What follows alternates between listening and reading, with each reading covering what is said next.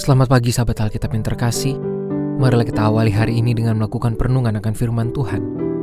Bacaan Alkitab kita pada hari ini berasal dari kitab Amsal pasal yang ke-10 ayat 1 sampai 5. Amsal-amsal Salomo.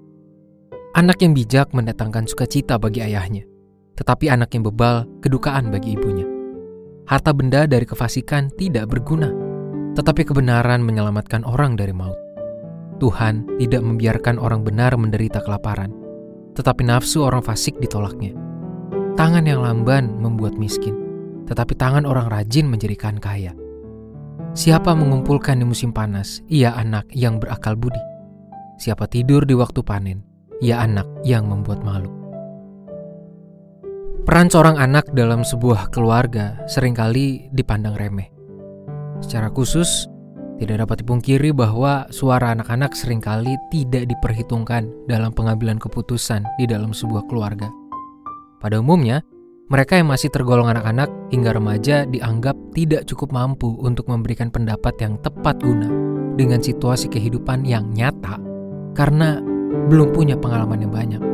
Padahal, cara pandang yang semacam inilah yang justru menghalangi perkembangan mereka untuk menjadi semakin dewasa dan siap menghadapi realitas yang sesungguhnya. Di tengah kebudayaan hidupnya, bangsa Israel kuno menerapkan konsep pengajaran terhadap anak-anak yang begitu kuat. Secara khusus, anak-anak perlu diperlengkapi dan dilibatkan sejak usia dini dengan beragam pemahaman, pengajaran, dan tradisi iman yang mereka miliki. Pengajaran yang dimaksud pun perlu memuat unsur-unsur seperti yang tertera pada ayat 2 hingga 5, yakni kebenaran, ketekunan, dan konsistensi. Pada Amsal 10 ini kita juga dapat melihat bagaimana peran seorang anak memiliki dampak yang begitu nyata terhadap orang tuanya. Apabila sang anak tergolong bijak dalam menjalani kehidupannya, maka ia akan mendatangkan kesukacitaan bagi orang tuanya. Namun apabila si anak tampil dengan penuh bebal, maka ia akan menghadirkan kedukaan bagi orang tuanya. Tentu saja hal ini merupakan kesatuan hasil dari pengajaran orang tua terhadap anak dan cara si anak menanggapi pengajaran tersebut. Sahabat Alkitab, Amsal ini menunjukkan kepada kita pentingnya proses pendidikan atau pengajaran dalam sebuah keluarga. Amsal ini tidak sedang menuntut atau memojokkan posisi anak-anak secara sepihak, melainkan menegaskan krusialnya proses pembentukan yang koheren antara orang tua dan anak dalam sebuah keluarga umat Tuhan. Kita juga perlu menyadari bahwa nilai kebenaran, ketekunan, dan konsistensi pada diri seorang individu selayaknya dibentuk dalam lingkungan keluarga. Hal ini bukan hanya berguna bagi perkembangan kedewasaan karakter seseorang di tengah kehidupan sosial, melainkan juga berkaitan dengan pertumbuhan imannya sebagai umat Tuhan.